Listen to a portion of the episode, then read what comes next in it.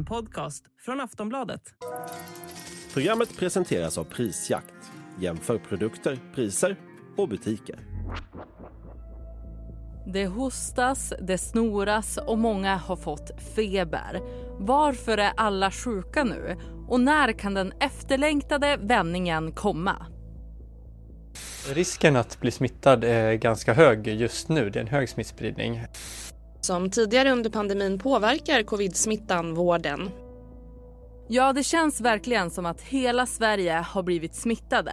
Kollegor, familjemedlemmar och vänner. En efter en drabbas av de olika infektionssjukdomarna som sprids.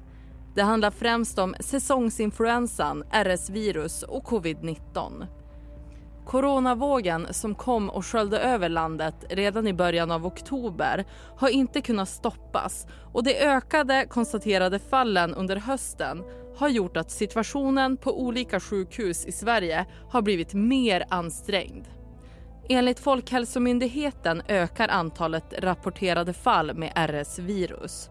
Och så här säger vårdhetsenchefen Ann Dyrje på Höglandssjukhuset i Eksjö till SVT Jönköping. Vi befarar ju att det blir en, en svår säsong för de allra minsta barnen även i år. Samtidigt har julhysterin börjat, vilket kan innebära stora folksamlingar.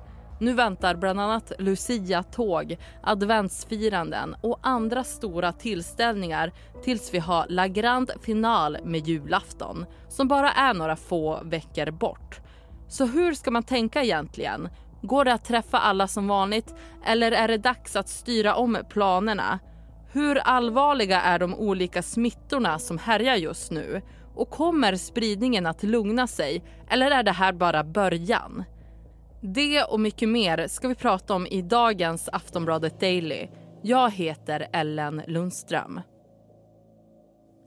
Och jag har ringt upp Niklas Arnberg, professor i virologi vid Umeå universitet och generalsekreterare i virus och pandemifonden. Niklas, varför är det så många som är sjuka just nu? Det är nog en blandning av uh, flera olika smittämnen skulle jag säga. Det är väldigt mycket covid och sen uh, under hösten och även fram tills nu så har vi också en hel del av så kallade rinovirus och enterovirus som orsakar luftvägsinfektioner, bland annat. Vad är det för typ av virus? Det är klassiska förkylningsvirus kan man säga. Rinovirus är virus som vi mest eh, tidigare har vetat om att de hamnar i näsan kan man säga som orsakar en klassisk förkylning. Men nu vet vi också att rinovirus kan orsaka nedre luftvägsinfektioner som kan bli ganska allvarliga och förvärra situationen för de som har astma till exempel och även förvärra situationen för de som har KOL. Och enterovirus som är liksom kusiner till rinovirus, de kan också gå ner i tarmen och om det oturas så kan man faktiskt också få hjärnhinneinflammation eller hjärninflammation av den typen av virus. Okej, och om vi vänder blickarna mot covid-19, hur ser situationen ut just nu? Ja, vi har ju haft väldigt mycket ökande smittspridning av, av covid-19 fram tills nyligen. Men nu är det nog faktiskt så att det pikar eller toppar så att säga i vissa regioner och till och med är på väg ner. Särskilt i norra Sverige så har vi sett att här är det på väg ner just nu. Och hur är det med smittspridningen av säsongsinfluensan? Ja, den är på uppgång ser vi. Eh, den har nog inte pikat än så länge men eh, det är som normalt för årstiden att den är på väg upp just nu och det kan vi se i stora delar av Sverige. Antalet rapporterade fall av RS-virus ökar också i Sverige enligt siffror från Folkhälsomyndigheten. Vad beror det på och hur ska föräldrar handskas med det? Ja, men det stämmer. Den, det viruset är också på uppgång egentligen. Och det, är, det är inget klassiskt influensavirus utan det är en annan typ av luftvägsvirus som tillhör en annan familj egentligen. Men det stämmer att den är på uppgång också. Det är ju ett virus som kan orsaka allvarliga infektioner hos nyfödda och för tidigt födda. Eh, men som sjukvården i Sverige ändå är bra på att eh, ta hand om skulle jag säga. Det är också ett virus som kan orsaka allvarlig sjukdom hos de som har KOL och förvärra situationen för de som har astma. Precis som det här rinoviruset egentligen. Då.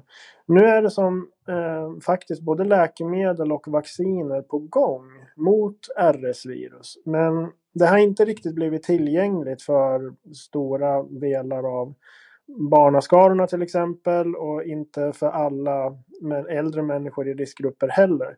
Men eh, kommande, så kommande vintrar kan man säga, inte den här vintern men framöver så kommer den typen av verktyg att bli tillgängligt. Annars så är det nog inte man kan, eh, som att man kan göra så himla mycket för att skydda sig egentligen. Annat än att, ja, bär man på en sjukdom själv, vilken som helst egentligen, så är det bra att inte träffa äldre till exempel och inte träffa de allra eh, yngsta, de som är nyfödda och för tidigt födda till exempel. I november så kom det oroande siffror från Kina där luftvägssjukdomar bland barn ökade kraftigt och många hamnade på sjukhus. Oron dämpades lite när förklaringen kom att det var en samtidig spridning av influensa, RS-virus, mykoplasmabakterier och covid-19. Men nu när det sprids väldigt många saker samtidigt här, är det något vi behöver vara vaksamma med att lunginflammationer och andra luftvägssjukdomar drabbar yngre människor? Ja, nej, men det stämmer. Det som händer, händer i Kina egentligen. Vi var väl många som höjde på ögonbrynen där också när det kom de första rapporterna om att eh, många människor blev sjuka i luftvägssjukdomar och särskilt barn. För då kunde man ju som befarat egentligen att oj då är det något nytt virus som vi inte känner till här. Men så verkar det inte vara utan det som händer i Kina nu egentligen det är nog det som vi har gått igenom de senaste vintrarna här i, i Sverige. Och det är liksom pandemieffekter kan man säga som har att göra med att vi var så duktiga på att hålla restriktioner och det var nedstängningar.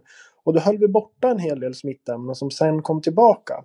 Kina har haft mer omfattande, mer omfattande nedstängningar än vad vi har haft. Och, det, det som händer i Kina just nu, det är det som vi har varit med om. Utan det är nog de här andra smittämnena som kommer tillbaka nu och ställer till det för dem. Är det här läget med olika smittspridningar vanligt för vintersäsongen? Eller är det speciellt för i år? Nej, men det är nog ganska förväntat egentligen. Eh, vi ser faktiskt lite mer normal smittspridning av RS-virus och influensa jämfört med de två tidigare höstarna och vintrarna. När den typen av virus har kommit ovanligt tidigt och i ovanligt med, i hög omfattning kan man säga. Nu börjar det faktiskt normalisera sig lite grann. Och det är väl bra. Vi såg under eh, början av hösten här ovanligt mycket smittspridning av rinovirus och enterovirus. Det har vi inte riktigt sett förut. Eh, och det kan ha varit liksom en försenad pandemieffekt. Men annars är det nog ganska normalt skulle jag säga. Och Niklas, när skulle du säga att man ska söka vård? Ja, de flesta som, är, eh, som inte har någon underliggande sjukdom och inte är någon riskgrupp behöver inte söka vård. Har man bara en förkylning eller till och med om det är en allvarlig influensa så kan man vara hemma och vänta ut den tills man blir frisk. Men är det så att man har en underliggande sjukdom, man är i, i någon typ av riskgrupp, då tycker jag att man ska ringa till 1177 och beskriva sin, sina symptom och höra med dem om det är så att man ska åka in och ta ett test till exempel. För då kan, visar det sig då att det är positivt för till exempel covid-19, då kan det vara så att man tycker att man ska sätta ut någon typ av behandling.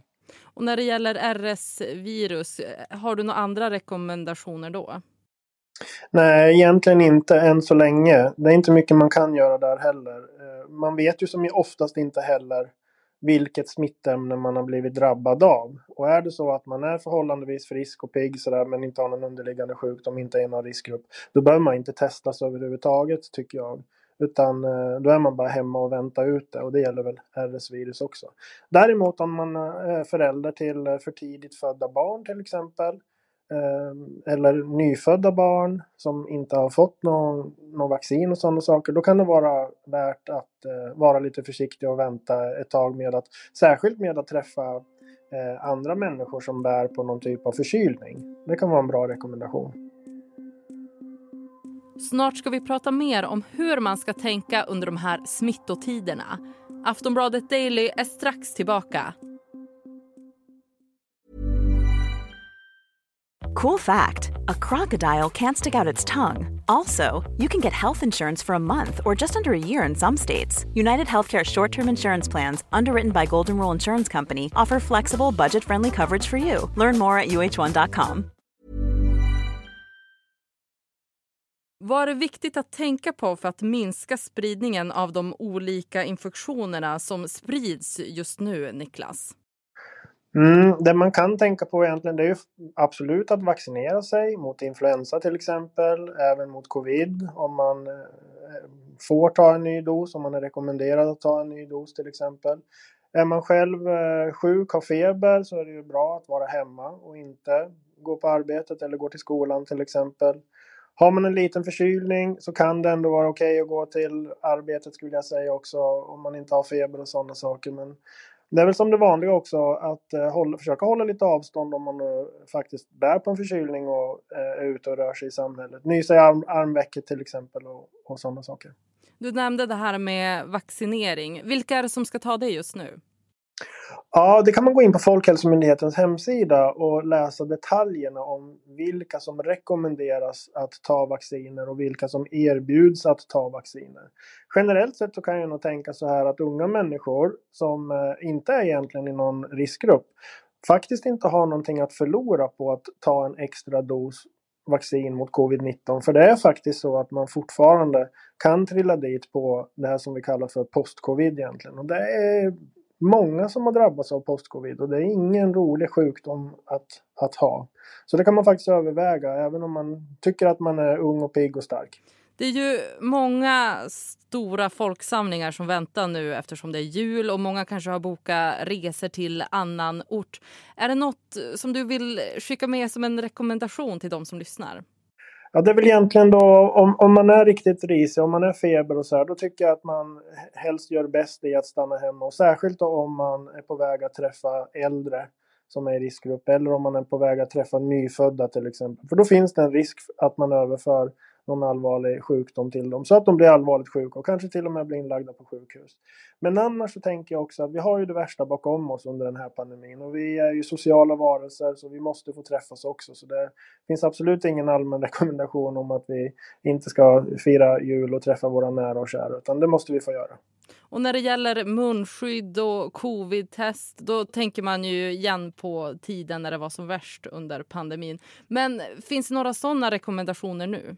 Nej, alltså det är inte annat än att men, olika regioner väljer att använda munskydd inom sjukvården. Annars så finns det ingen generell rekommendation om att andra människor ska använda munskydd. Det kan man göra lite grann som man vill egentligen. Om man är förkyld till exempel och vill vara omtänksam med sin omgivning Eh, då kan man absolut sätta på sig ett munskydd. Det är helt okej. Okay.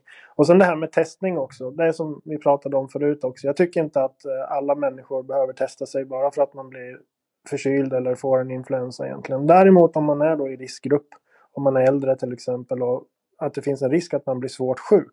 Då tycker jag att man kan ringa till 1177 och höra med dem och berätta sin, om sin situation. Och så får de avgöra om man ska testa sig. Sen covid-19 kom tillbaka med en ny våg så är det många som har lagts in på IVA i olika delar av landet. Hur hanterar vården det här, skulle du säga? Vården har nog lärt sig otroligt mycket under den här pandemin och kan verkligen hjälpa de som läggs in med covid-19. Jag tror också det är så att många som läggs in med covid-19 egentligen kanske hamnar på sjukhuset av en annan anledning och sen råkar man bära på covid-19 samtidigt också. Så det är inte så att alla som är inne med covid-19 faktiskt är där på grund av covid-19. Men är man där på, på grund av covid-19 så har sjukvården kompetens och förmåga att behandla och hjälpa. Mycket bättre nu än i början av pandemin. Vad kan vi vänta oss framöver, Niklas? Kan det här bli ännu värre eller kommer det att vända snart? Nej, covid-19 smittspridningen är ju på väg ner nu eh, i stora delar av Sverige. Så den här toppen är nog på väg att passera. Sen vet vi inte vad som händer under resten av vintern. Det är mycket möjligt att det kan bli ytterligare en topp senare i vinter. Eh, men eh, jag tror nog vi kommer klara av det helt okej okay jämfört med hur tufft det var i början av pandemin. Utan det är nog hellre så att det är många smittämnen sammantaget som kan orsaka problem för enskilda människor och för sjukvården och där även personalen inom sjukvården, alltså personalen som jobbar i sjukvården också kan bli sjuk och det kan leda till ett ansträngt läge i sjukvården så som vi varit med om tidigare. Så det här är ju, jag återkommer till det, det här är någonting som jag tycker att liksom vi forskare skulle, man skulle önska verkligen att vi forskare kunde tillhandahålla ännu mer kunskap och ännu bättre verktyg till sjukvården för att förhindra och, och bekämpa virusorsakade sjukdomar. Och när det gäller säsongsinfluensan och RS-virus så var du inne på det tidigare. Men hur tror du att det kan bli framöver? Jag hoppas att det inte blir lika tufft som det har varit de senaste två vintrarna utan att vi nu då har byggt upp lite bättre immunitet så att det blir lite mindre smittspridning och att det blir färre människor som blir svårt sjuka och inlagda jämfört med de två tidigare vintrarna. Det säger Niklas Arnberg, professor i virologi vid Umeå universitet och generalsekreterare i virus och pandemifonden. Mitt namn är Ellen Lundström och det var allt för Aftonbladet Daily den här gången. Vi hörs snart igen. A lot can happen in the next three years. Like a chatbot may be your new best friend. But what won't change? Needing health insurance. United Healthcare Tri Term Medical Plans are available for these changing times. Underwritten by Golden Rule Insurance Company, they offer budget friendly, flexible coverage for people who are in between jobs or missed open enrollment. The plans last nearly three years in some states, with access to a nationwide network of doctors and hospitals. So, for whatever tomorrow brings, United Healthcare Tri Term Medical Plans may be for you. Learn more at uh1.com. Du har lyssnat på en podcast från Aftonbladet. Ansvarig utgivare är Lena K Samuelsson. Tired of ads barging into your favorite news podcasts? Good news. Ad-free listening is available on Amazon Music. For all the music plus top podcasts included with your Prime membership. Stay up to date on everything newsworthy by downloading the Amazon Music app for free or go to amazon.com slash news ad free. That's amazon.com slash news ad free to catch up on the latest episodes without the ads.